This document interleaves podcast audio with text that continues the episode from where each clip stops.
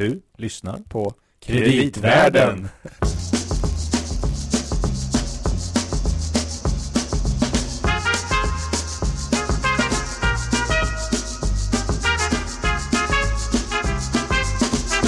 Varmt välkommen alltså till höstens första riktiga, riktiga, vanliga avsnitt av Kreditvärlden.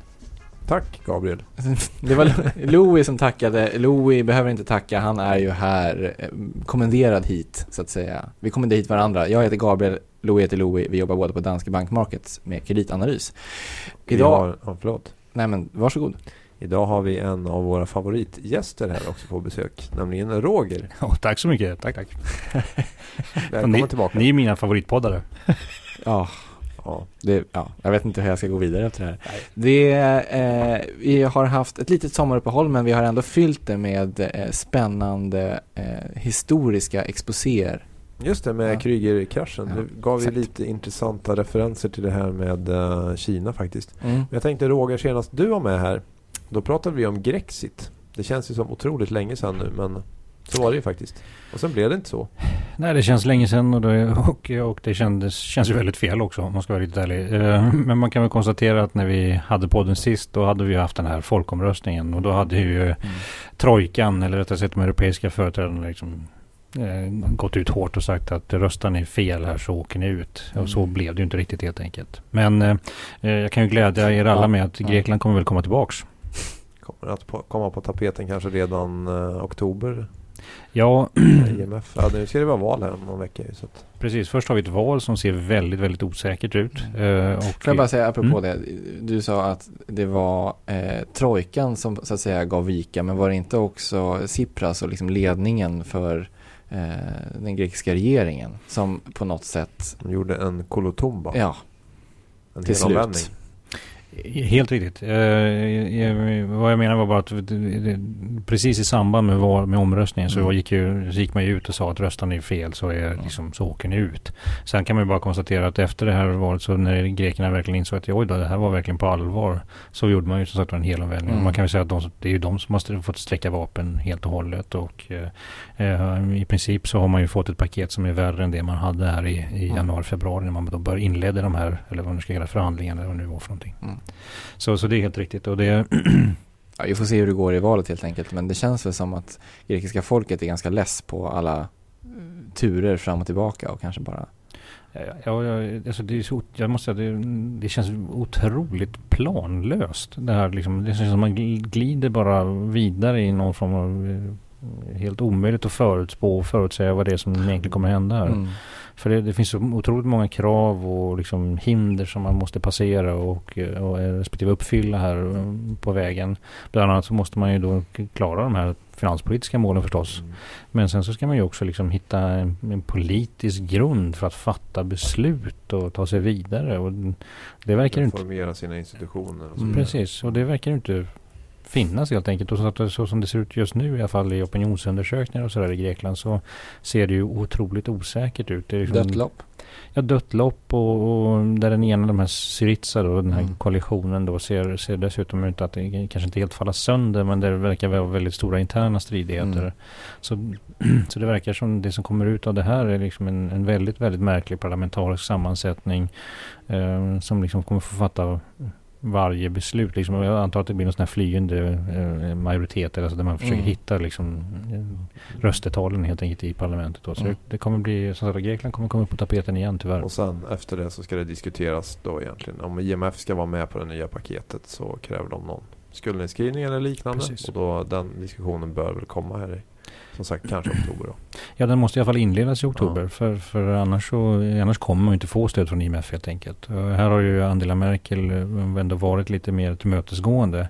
Så någonting kan väl komma, men det blir inte en vanlig skuldavskrivning, alltså en rak skuldavskrivning. Utan här blir det ju liksom eh, att man har längre sådana grace periods, det vill säga Mm. utan räntebetalningar eh, och eh, möjligtvis också man förlänger skulderna i, ja, vi får väl se hur många år det blir. En del pratar om eh, i princip sådana här consols eller perpetuals, men, eh, men det troliga är väl att det blir liksom 30-40 års förlängning istället av, av skulderna. Mm. Så det är nog någonting vi får återkomma till. Bland annat tänkte vi i något kommande avsnitt under hösten faktiskt diskutera lite mer på djupet hur lätt det är att förändra institutioner i ett land. Och finns det exempel på länder som har gjort det. Vi återkommer om detta. Fantastiskt Men, eh, spännande. Mm. Precis, men efter då att vi kunde lugna ner oss lite grann tillfälligt i alla fall om Grekland så hände ju det här med Kina. Vad hände? Ja. likt, eh, likt marknaden som helhet så tar den här podden och griper efter nästa halmstrå att fokusera på. Man kan bara fokusera på en sak i taget nämligen på marknaden. Ja. Ja, alltså ja, Kina är ju, som man ska vara riktigt ärlig, känns ju också väldigt mycket värre på, på många sätt än vad Grekland gör. Kina är ju liksom en... I ett en globalt perspektiv. Ja, precis. Alltså Kina är ju enligt en del mått redan världens största ekonomi. Eh, och oavsett om det är världens näst största eller största ekonomi så kan man konstatera att en stor del av den globala tillväxten sedan finanskrisen har ju faktiskt emanerat från just Kina och kinesiska stimulanser etc. Mm. Så, så, så det här som händer i Kina är extremt viktigt för, för Men- höstens utveckling. Får jag bara, vad är det egentligen som händer i Kina? Kan man bena ut det ordentligt? Eh, För att det har ju, det är ju vissa börser som har fallit väldigt kraftigt, inte minst Shanghai. Men det finns väl vissa problem med att titta, stirra sig blind på det till exempel. Att det är inte hela börsvärdet och så vidare. Bolag representerar inte hela bolagen och sådär. Men för den kinesiska ekonomin. Alltså börsoron är inte intressant om man ska vara ärlig Mm. mm. Utan ja, men börsen som andel av BNP och antalet hushåll som är exponerade mot den i Kina är väldigt, väldigt låg. Och Mm. framförallt från ett västerländskt perspektiv.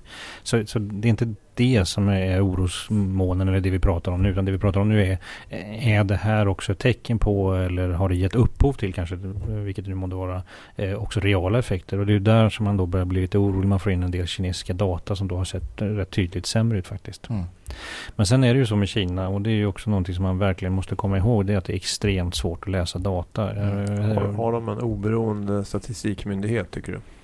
Eh, Det är nog svårt att, att, ehm, att tycka det helt enkelt. Eh, Man får inte glömma bort det att det fortfarande är en diktatur och faktiskt i mångt och mycket också en planekonomi. Eh, Och det gör ju, men ta bara arbetslösheten till exempel som de senaste tio åren tror jag har liksom pendlat inom ett en eller två procents enhetsintervall trots finanskriser och allt vad det nu månde Mm. vara för någonting. Och det är klart att det känns inte helt vettigt. Men nu är du inte en Kina-ekonom.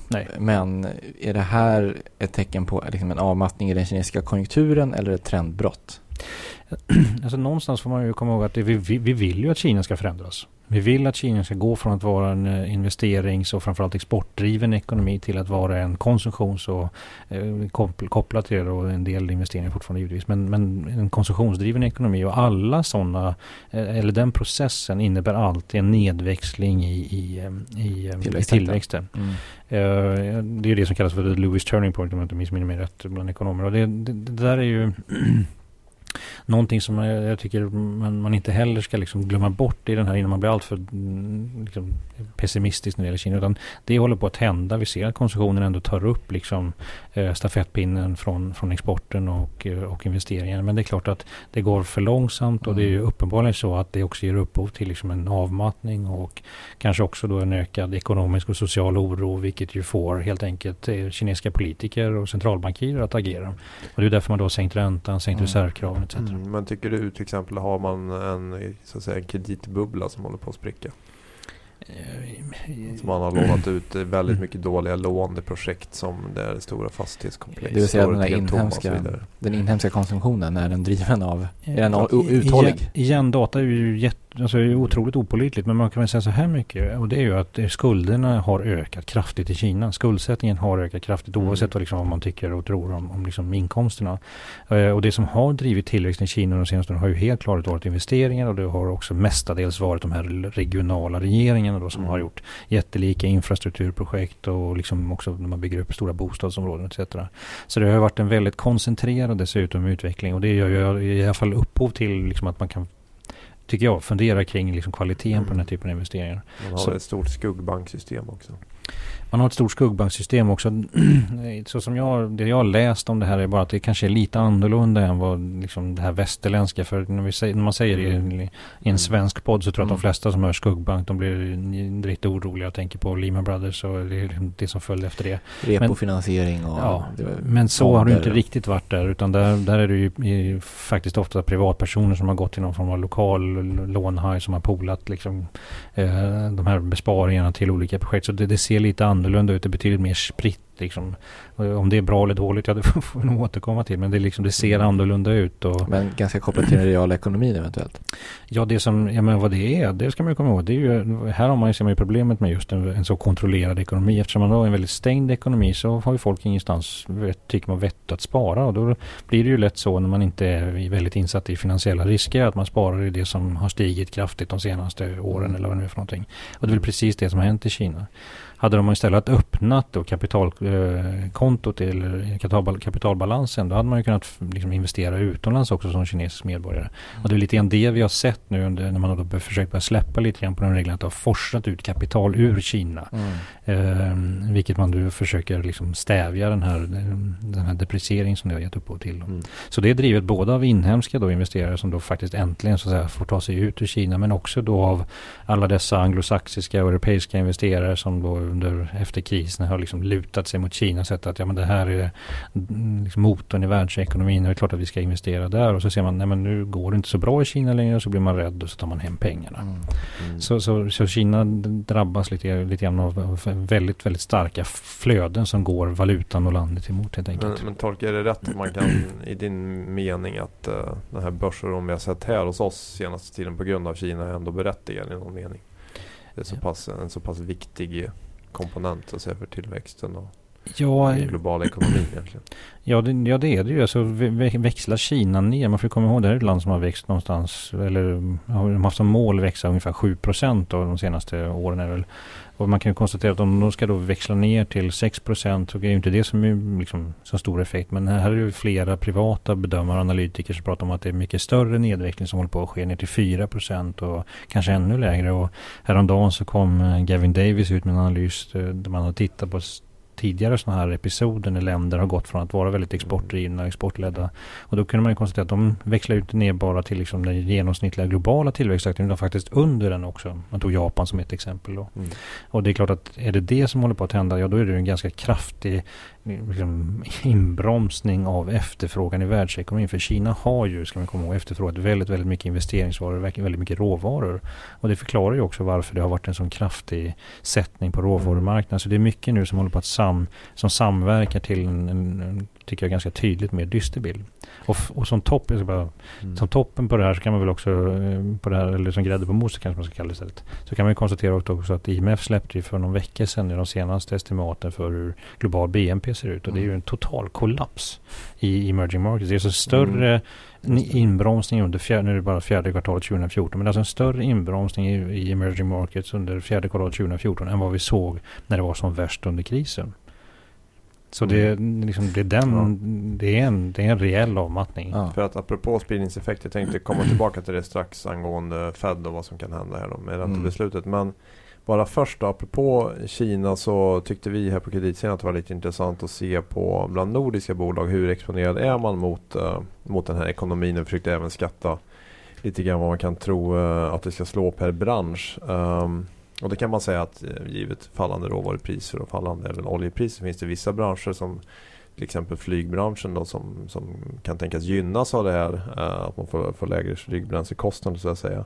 Um, men uh, om man tittar på två branscher som är rätt hårt exponerade.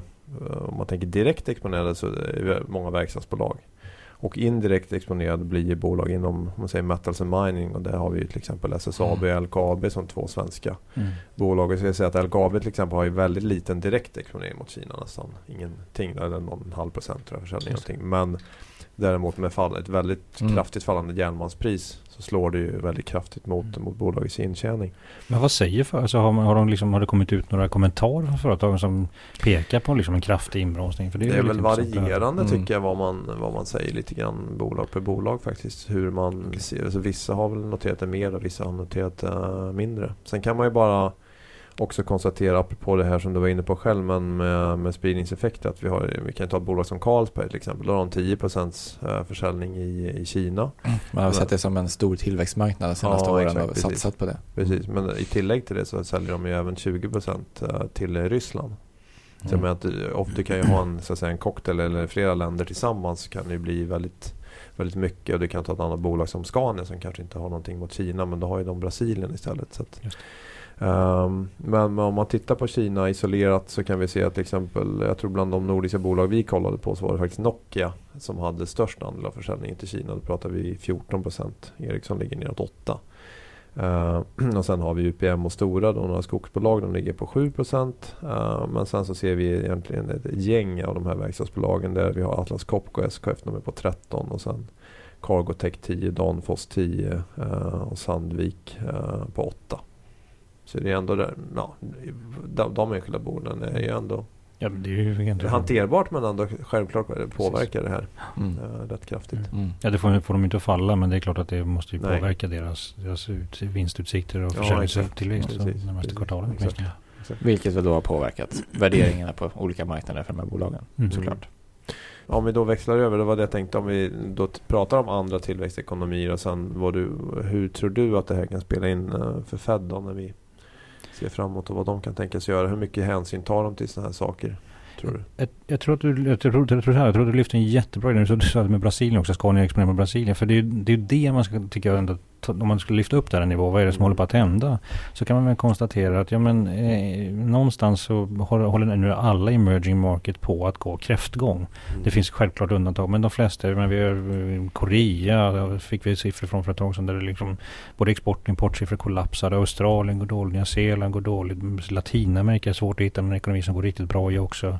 Um, så det som händer just nu är att emerging markets går dåligt. Och det, för mig så är det här en effekt snarast av just det här Fed-beslutet. Uh, för, för de stackare som har tvingats lyssna på mig och sett mina hemska grafer någon gång så, så vet man ju, har jag haft någon sån här he, nästan helt oförklarlig graf som jag försökt liksom åskådliggöra de här QE-åtgärderna. Alltså hur det sprider sig i ekonomin. Eh, och det där är ju en viktig del av effekterna av QE och alla de här okonventionella penningpolitiken är just att man faktiskt också får eh, investera, placera utomlands för att på det sättet tryck, trycka ner den egna valutan. Och det är ju också det som antagligen har hänt genom, eller allt sedan krisen, att många investerare som då har fått väldigt, väldigt billiga lån från centralbankerna i Västeuropa och i USA, mm. de har då kunnat placera i tillväxtekonomier just på grund av att de är tillväxtekonomier och tänkte att det här kommer ge oss bra avkastning. Men nu när Fed faktiskt står på liksom randen att, att, eh, att, att, att, eh, börja strama åt. Så är det klart att då får man börja fundera på vad händer här? Och det är klart att då minskar ju liksom de här räntedifferenserna mellan tillväxtekonomier och, eh, och de västeuropeiska eller framförallt eh, Fed eller amerikansk ekonomi. Och det är klart då blir det vettigt att ta hem pengarna igen eftersom man då inte kan ha så stor, eh, ha så stor skillnad i avkastning. Så, så jag tror att mycket av det som händer just nu är liksom det är lite grann där, vad du kallar för taper tantrum kallades det väl för, för något år sedan. Mm. Det, det som vi ser nu är nog mycket, en, en förlängning på det helt enkelt. Mm. Och går Fed de facto vidare, som ju en, faktiskt en hel del pekar mot, eh, så, så tror jag att det här säkert har, den här oron har liksom ytterligare något eller några kvartal att löpa. Eh, så du menar att även om räntehöjningen i sig är inte speciellt stor så kan ha en stor betydelse så att säga. Ja, för det signalerar ju att, att Fed känner nu att ja, men nu är amerikansk ekonomi på, liksom, eh, på, på fa, eller fastare mark i alla fall mm. och, och liksom fortsättningen härifrån är fortsatta höjningar och eh, den här oron vi ser nu är inte tillräcklig liksom för att dämpa den, den utvecklingen. Och jag, jag, vet väldigt många och jag känner själv en viss sympati för den typen av åsikter. För det hade väl varit lite liksom skönt att få ett kvitto på att USA faktiskt har tagit sig igenom krisen och på väg ut och sådär. Problemet är bara liksom att nu vill ju man till... Man laggar eller? Nej? Ja, att man laggar men också nu vill ju till att de investeringsbeslut som är fattade med de här extremt mm. låga räntorna mm. att de faktiskt också är långsiktigt hållbara och sunda. Så att det är den här rena portföljbalanseffekten som Fed en gång i tiden antydde att det var och att det inte är några liksom spekulativa bubblor. För är det det, ja, då kommer den här oron bara fortsätta och antagligen förvärras också. Mm. Jag tänkte säga, är det inte risken att man eh, liksom, eh, nu när man börjar strömma åt att det man kommer att landa kanske i en recession då? Ja, alltså det, om man ska vara riktigt ärlig, det vi har hört från Fed eh, Stanley Fischer var ute för några veckor sedan i samband med den här Jackson Hole-konferensen till exempel och pratade om det. Så får man väl säga att det verkar ju fortfarande vara lite grann 50-50 om det blir en höjning nu här, mm. om någon uppger det eller inte. Men, men jag måste säga att oaktat då att amerikansk ekonomi ser hyfsat stark ut så kan man ju konstatera att hur vågar, hur vågar man höja? Alltså de har ju inget, de har ju ingen policyammunition på nedsidan. Nej. Så den här oron man ser nu, även om man tror att den är överstående så skulle man väl, även om man vill höja räntan så skulle man väl vilja vänta tills man vet Mm. och får se att ja, men det här var verkligen bara tillfälligt och var bara begränsat till finansiella marknader. Det här har inte påverkat realekonomin. Men det är inte så, vi närmar oss inte nästan slutet på en cykel i, i, amerikansk ekonomi? Att vi har haft en boom nu under ett par år och att den kanske håller på att... Är det inte konstigt att höja då? Eller håller du med om den verklighetsbeskrivningen? Eh, inte riktigt, om jag ska. Nej. Utan, utan för det är fortfarande så att är liksom konsensusuppfattningen i amerikansk ekonomi det är att den har ju fortfarande en bit kvar innan den liksom når sin fulla potential då. Eller tills det här så kallade output-gapet i Mm. slutet och när inflationen då ska ta fart. Och det kan man väl liksom finna ett visst stöd för. Inflationen är fortsatt väldigt låg och så vidare. Men, men, eh, men Det vill så- säga man är precis rätt tid egentligen för att höja. Ja, enligt den ja, meningen. Ja. precis. Och, Mm. det, är- och det är ju därför också som Fed tror jag ändå har varit relativt tydliga. Men, men återigen, jag, jag, vad jag är mer inne på är bara att det är en sån otrolig risk att ta. Mm. När man inte då, ifall det nu skulle visa sig vara fel, då begår man ju liksom tidernas policymisstag. Mm. För då kommer man ju Mm. tvingas sänka, eller vad det Ja, nu är, exakt. eller rätt sagt ja, sänka en gång då för det man har höjt nu. Och sen har man ingen, liksom i princip ingenting kvar att ge annat än ännu mer QE som kanske då har visat sig vara en fallerad penningpolitik helt enkelt. Mm. Och det är ju det som också kanske lite grann för oss in på ett annat tema. Vad är det för penningpolitik vi ska föra i? Ja men exakt, för det finns väl vissa som höjer rösten för att man kanske inte, eh, och vi kommer in kanske på andra aspekter också, men för att man kanske måste föra en annan penningpolitik om man har skiftat in i en annan typ av ekonomi till exempel. Att då ska det vara varaktigt lägre räntor till exempel. Eh, Och hur hanterar man det? Precis, alltså det, det är en diskussion som Ja. är definitivt är väldigt levande. Jag, jag tänkte väl mer i och för sig på den här Mm. debatten om liksom, eh, hur liksom finjusterande är penningpolitiken. Mm. Och, och vi, har ju varit, vi har diskuterat det lite grann från och till i den här podden Mm. och på våra seminarier. Att, att, pen, alltså att, att eh, den här ekonomiska stabiliseringspolitiken som vi nu har använt oss av i 20-30 år med då inflationsmål etc. har väl kanske kommit lite grann till vägs ände. Och det är frågan, vad, hur tar vi oss härifrån? Och tanken som mm, jag och de flesta tror jag, ekonomer hade fram till för något år sedan i alla fall, det var väl att ja, men, vi kör väl på med det här. Nu sänker vi räntan och så tar det fart igen och sen så Mm. kommer vi ut ur den här krisen och så vidare. Mm. Just det, apropå det då.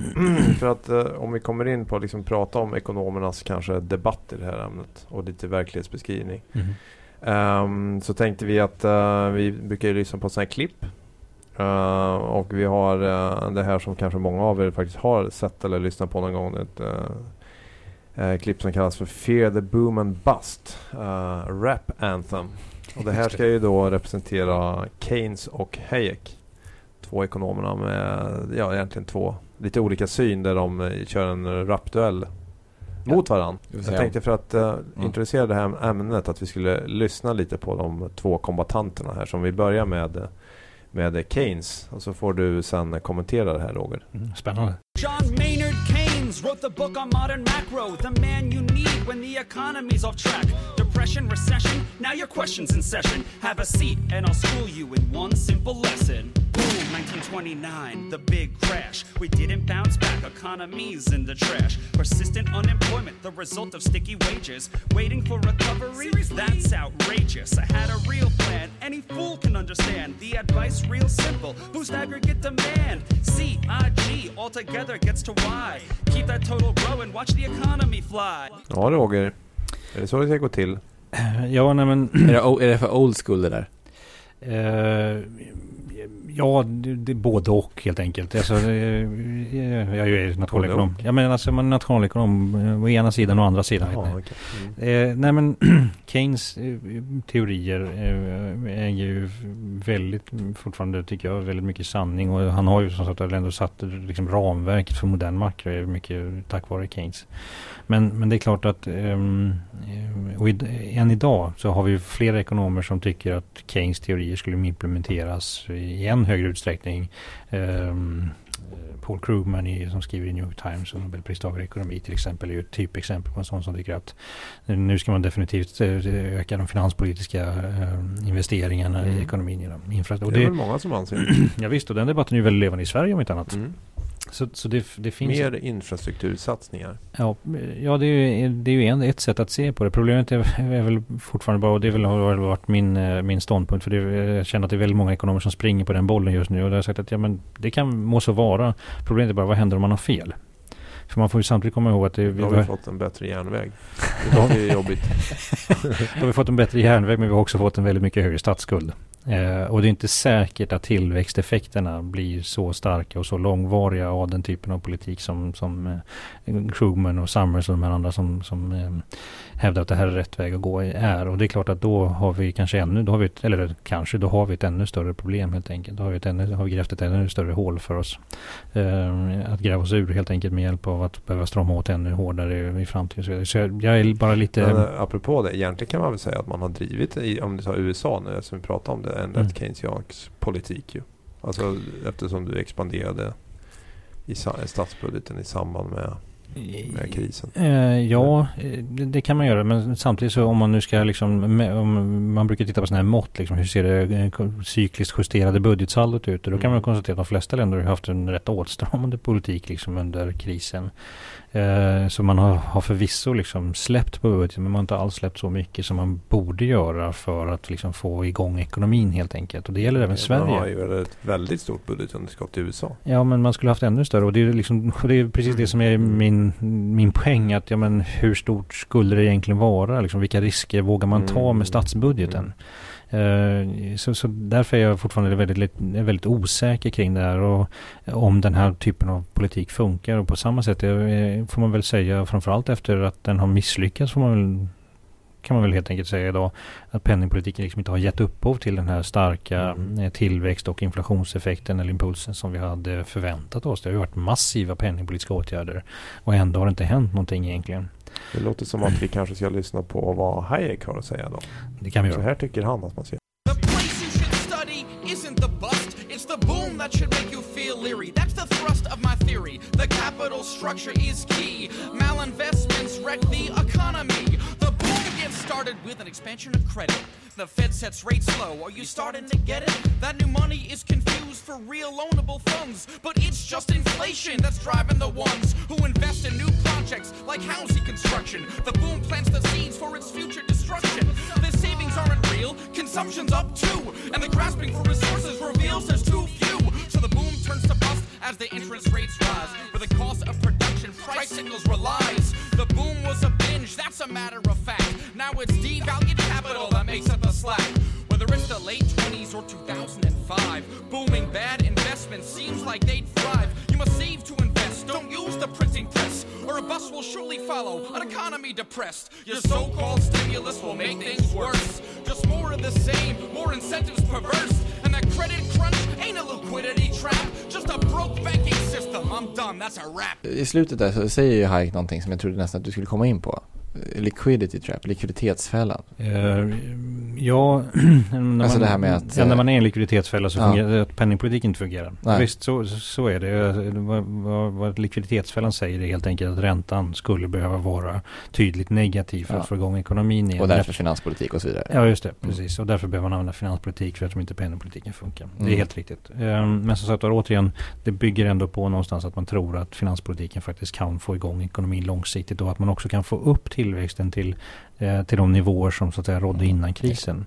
Och det är just där som Hayek kommer in och som jag, jag, jag ska inte jag, jag ska inte gå in på eh, så mycket på vad jag tycker är begränsningarna med den österrikiska skolan eller Hayeks teorier. Men, men man kan väl konstatera så här mycket att det, det, efter den här krisen så finns det väl ändå skäl att fundera lite grann över det som Hayek säger och även i den här videon då säger nämligen att det kanske är, vi kanske ska fokusera vår, vår tyngdpunkten av vår analys snarast på perioden innan den, här, den här eh, krisen. Nämligen där vi hade väldigt hög tillväxt förvisso men kanske ännu högre kredittillväxt. Mm. Och där vi då byggde upp skulder men också tillgångar eller resurser som, som eh, kanske visar sig inte vara långsiktigt hållbara helt enkelt. Mm. Det låter ju som nu. Ja. Bygga upp skulder så. Ja, precis. Och det är helt riktigt Lou. Det är det som gör att jag tycker att liksom man får nog vara väldigt försiktig. Kanske framförallt när man ska liksom ge policyråd tycker jag idag. Istället för att solklart gå ut som många ekonomer gör och säga att det är klart att vi ska köra finanspolitiska investeringar. Ja, det kan vara en väg ur. Men man måste också veta vad är det för risker man tar. För det, det krävs helt enkelt. Ta det svenska exemplet. Mm. Vi har redan då ett strukturellt underskott i vårt budgetsaldo. Så därför har Konjunkturinstitutet och Ekonomistyrningsverket och alla, vad det nu är för någonting sagt att ja, men på lång sikt så måste ni strama åt. Eh, och att i det läget då säga att ja, då, det innebär att vi har långsiktigt lägre inkomster. Eh, det vill säga att vi behöver strama åt budgeten, det vill säga höja skatter eller sänka utgifter eller någonting liknande. På samma gång så säger man att ja, vi ska också då öka de finanspolitiska investeringarna. Fine, men då vill vi verkligen till också att det här ger upphov återigen då till en högre långsiktig tillväxt så att vi får skatteintäkter som liksom mm. eh, överväger den här, vad de här kostnaderna har varit för de här investeringarna. Och där är jag väldigt, väldigt osäker. Och det är därför jag är, känner mig väldigt ambivalent mm. när det gäller de här, tycker jag, lite för tydliga kraven nästan på att man ska köra på med finanspolitiska investeringar. Det är inte alls säkert att det funkar. Och funkar det inte, då är risken stor att vi bara har grävt oss ett större hål. Sverige är väl ett av länder som kanske kan testa det här eftersom vi har så låg statsskuld från början. Men så att man måste komma ihåg vad, man, vad det är man leker med. För vi har ju släppt politiker fria en gång i tiden och det gick ju sådär om man ska vara ärlig. Och vad tycker då Hayek att man ska göra? Istället, eh, ja, han har ju den här eh, och det är ju det som gör att eh, jag tror att det här är nog kanske det minst plausibla scenariet. Och det, han är ju eh, tror ju egentligen inte alls på liksom makroekonomi som ämne utan han är ju en utpräglad mikroekonom. Och framförallt så tror han liksom att ekonomin utvecklas eh, mer organiskt eller vad man nu ska kalla det. Det vill säga vad han vill se är en kreativ förstörelseprocess en mass. Det vill säga att alla de här som han ser då framför sig felinvesteringar som gjordes under den här bubbelperioden. De ska då raderas ut och sen ska då de resurserna som frigörs, arbetskraft etc. ska då sättas till inom någon annan nytta då, mer produktivt igen då. Mm. Men det kräver ju så att, att vi slår ut väldigt många, både banker, företag och ja, med tanke på hur skuldsättningen ser ut, kanske hela nationer som då liksom ska hitta en ny eh, stabil bas att stå på igen. Ny identitet. Ja, jag har lite grann en ny identitet också. Jag, jag är nästan tillbaka i Grekland när vi börjar prata om sådana saker. Ja, faktiskt. Man får liksom börja bygga upp institutioner och, och, och, så, och så vidare i, och nio. Jag vet inte riktigt om även om man kan tycka att det vore vettigt på en del sätt så ska man komma ihåg att det skulle ju skapa ohyggligt lidande också. Men mm. vilken, en, kan ju tänka vilka arbetslöshetstal vi kommer få se. Då, då kanske de grekiska förbleknar men då pratar vi inte helt plötsligt från den, den lilla grekiska ekonomin utan kanske vi pratar för kontinentaleuropa eller kanske för hela världen. Och det är klart mm. att det här sätter ju liksom polit, det blir väldigt stora politiska begränsningar på det här. Så därför har jag svårt att tro att det kommer vara vägen framåt. Jag tror nog hellre på, tyvärr får jag väl säga då någonstans, eh, på, på investeringsbudgetar och att det är den mm. vägen man försöker Finns det lite 30-talets depressionsscenario nästan egentligen? Ja, det här, ja, men grejen är att det här är väl liksom, det här var den, den moderna svaret eller modern makroekonomi svar på hur vi borde ha reagerat under depressionen. Och nu kör vi på med penningpolitik, vi kör på med finanspolitik och, och det vi får istället är liksom en mer utdragen process. Det går inte så mm. fort och blir inte kanske riktigt lika illa som det var under depressionen. Men det blir en väldigt utdragen och eh, ja, väldigt segdragen. Ja. Men finns det någon tredje väg då? Ehm, ja, en del länder har ju liksom antagligen någon form av möjlighet att ta sig ur det här. Men jag tror att det, det viktiga och det som jag saknar egentligen i debatten det är ju den här strukturpolitiken. Ehm, nu ska man komma ihåg att alla strukturreformer som liksom syftar till att lösgöra människors inneboende skaparkraft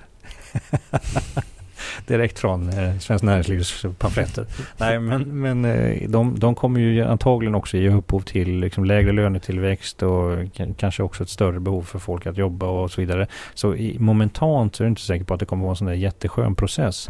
Men det som också händer i sådana här och framförallt i länder vi ändå har som Sverige där vi har ett hyfsat väl utbyggt liksom, välfärdssystem så kan man tänka sig att det ändå på sikt skapar en massa nya företag som i sin tur kan börja anställa och så vidare. Så förhoppningen är ju liksom att man den vägen ska få igång ekonomin istället. Så jag, och det, den diskussion, det är samma med, med skolan till exempel. Också en sån här grej. Det är ju otroligt långsiktiga eh, reformer som man får göra. Eh, det är ju ingenting som kommer lösa den här krisen eller den här utvecklingen på två, tre år utan kanske på fem, tio, femton år, vad vet jag. Men, men det, det tror jag liksom hade varit en mycket mer positiv och, och um, framtidsinriktad väg ut ur den här krisen. Men så att det, jag tror inte det finns någon skön lösning eller någon tredje sådär enkel väg ut ur den här krisen.